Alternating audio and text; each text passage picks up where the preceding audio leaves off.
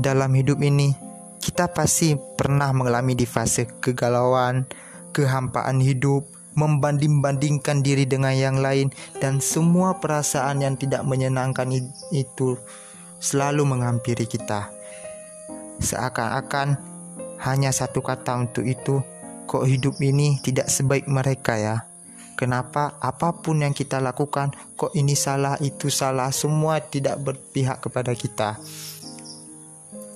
Oleh karena itu ini saatnya kita sama-sama mencari solusi yang terbaik, mencari sama-sama mencari solusi menjadi manusia yang seutuhnya, bukan menjadi budak manusia. Oleh karena itu, berusahalah untuk menjadi manusia yang seutuhnya. Kita sama-sama belajar di sini. Kita akan diskusi bersama orang-orang yang hebat dan tentunya bersama Anda.